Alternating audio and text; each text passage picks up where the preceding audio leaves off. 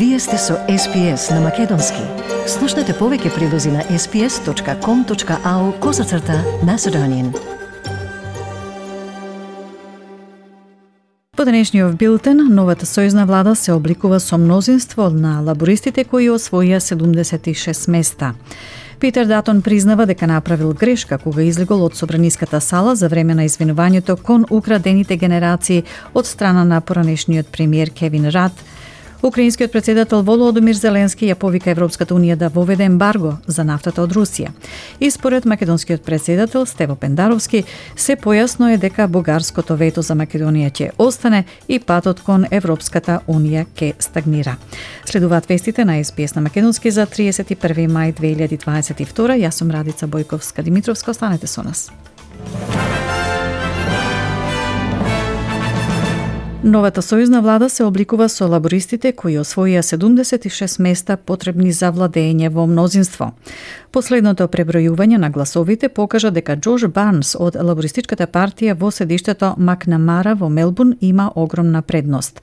Тој за ABC изјави дека е возбуден што ќе биде дел од мнозинската лабористичка влада на Ентони Албанезе, која, како што посочи, ќе може да испорача на многу полиња, како што се климатската акција, економските реформи, соопштението од Улуру за првите нации и многу друго. We have an opportunity to deliver, and a lot of young people have never seen what a Labor government can do and what a Labor government looks like. But we, we, can deliver climate action, we can deliver incredible economic reform, and we can deliver on the Uluru Statement from the Heart, something that I'm really, really passionate about and something I really want to get cracking uh, and working on straight away. Uh, a Labor government means opportunity, and I'm excited by it, and I hope that even if those people who didn't support us at this election, we work hard to give them some things to think about and to consider consider voting Labor at the next election. Изборното место Гилмор во Нов Јужен Велс и седиштето Дикен во Викторија се уште се премногу блиску по гласовите за да се објави крајниот резултат. Се очекува денеска премиерот Антони Албанезе да ги објави имињата на неговите министри.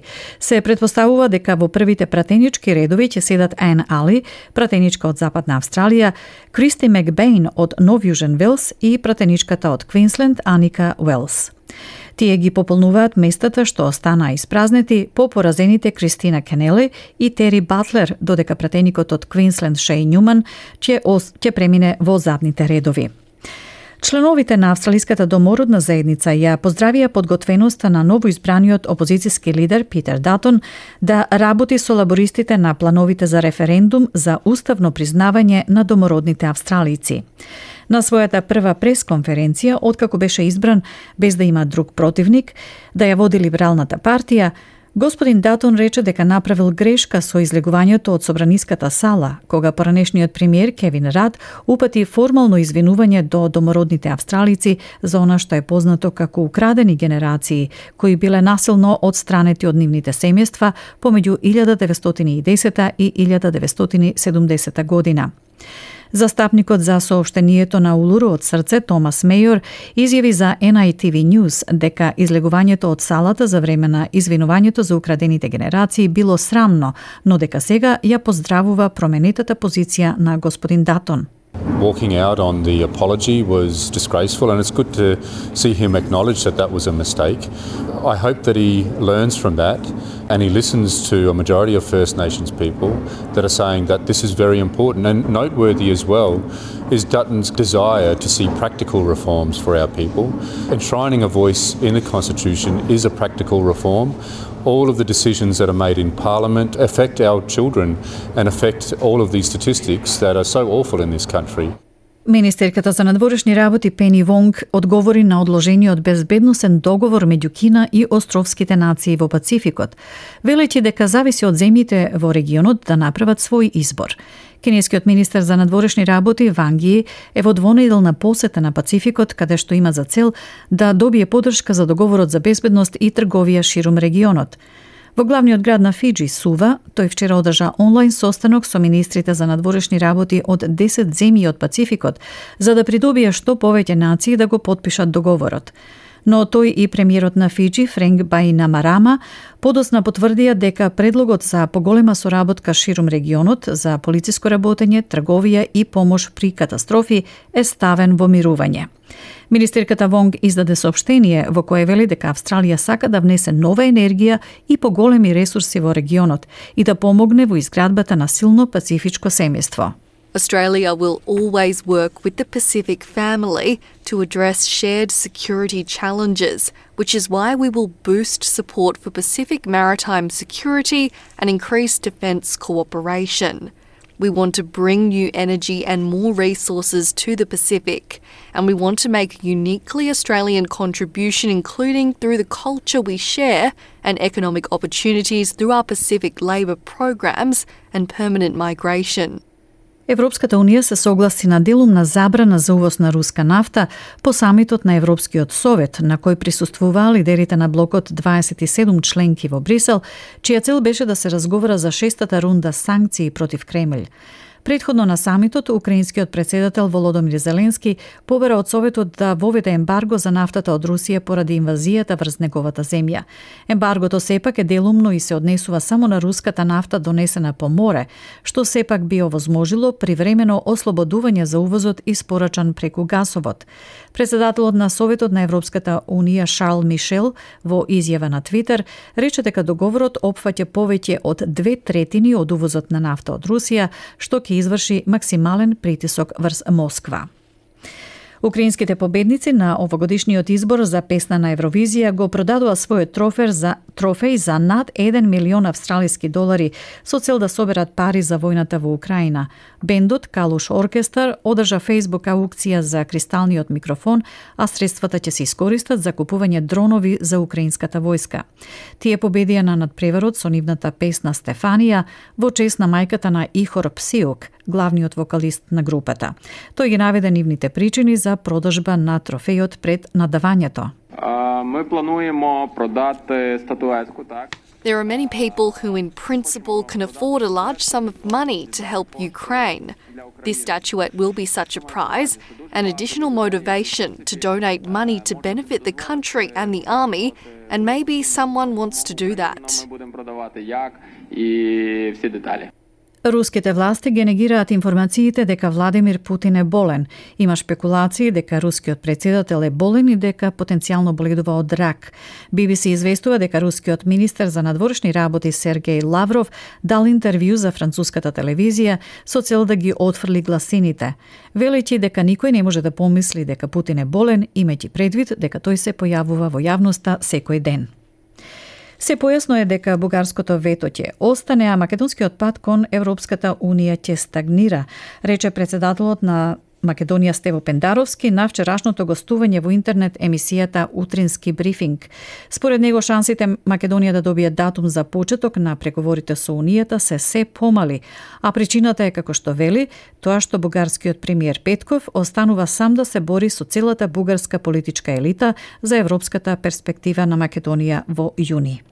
За жал да, значи шансите се се помали и помали. Не можам да кажам дека се заврши, не можам да кажам граѓани од утре се одиме на сосема друга стратешка перспектива, бидејќи друга оддржлива, подобра не гледам објективно. Јас се држам мојата квалификација за Петков се уште дека тоа е еден од оние кои се потполно осамени во битката за Европска Бугарија, европско однесување на Бугарија во однос на Западниот Балкан минимум. Пендаровски исто така додаде дека од Бугарија стигнуваат и миролюбиви пораки, како на пример пораката на поранешниот бугарски председател Петар Стојанов, кој на бугарската влада и укажува дека позицијата кон Македонија не треба да биде агресивна, бидејќи така се создава нација која искрено ја мрази Бугарија. Тој за бугарските медиуми рече дека колку и да се заострени позициите, диалогот меѓу двете братски држави мора да се води во пријателски тон. Службата на Обединетите нации за нуклеарен мониторинг соопшти дека Иран допрва треба веродостојно да одговори на долгогодишните прашања за потеклото на честичките од ураниум пронајдени на три непријавени локации.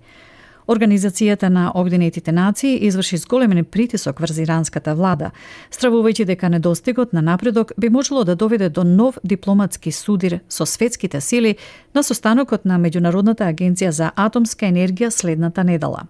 Ако некои влади бараат резолуција со која што ќе се критикува Иран, Тоа би можело да зададе дополнителен удар врз застојот на напорите за заживување на нуклеарниот договор од 2015 година.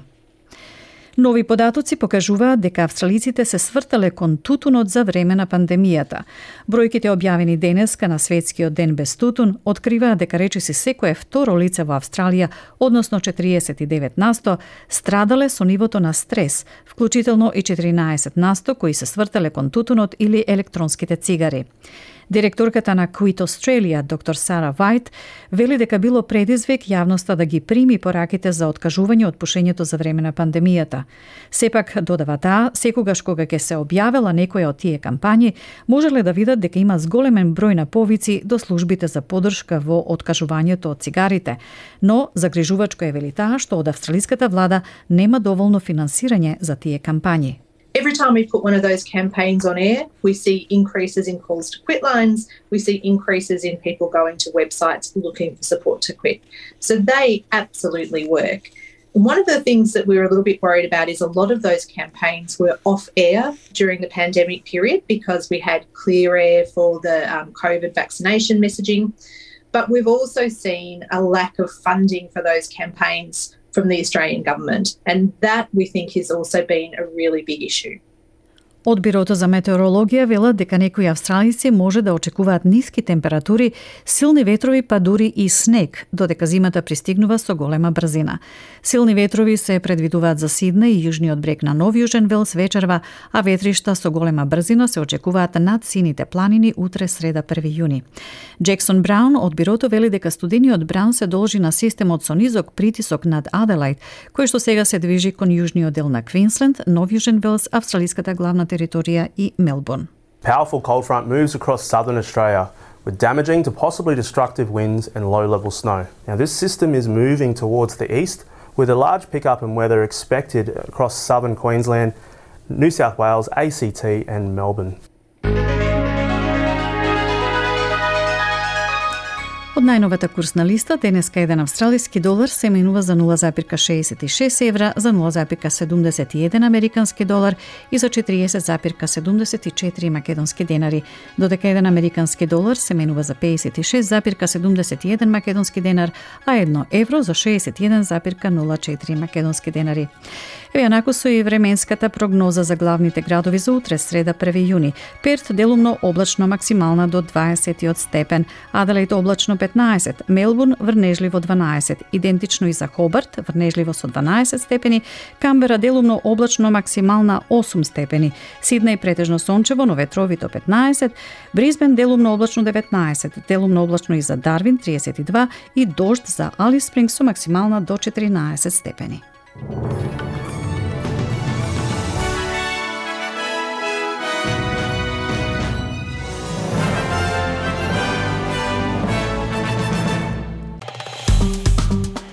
Стиснете, ми се допаѓа, споделете, коментирајте. Следете ја SPS на Македонски на Facebook.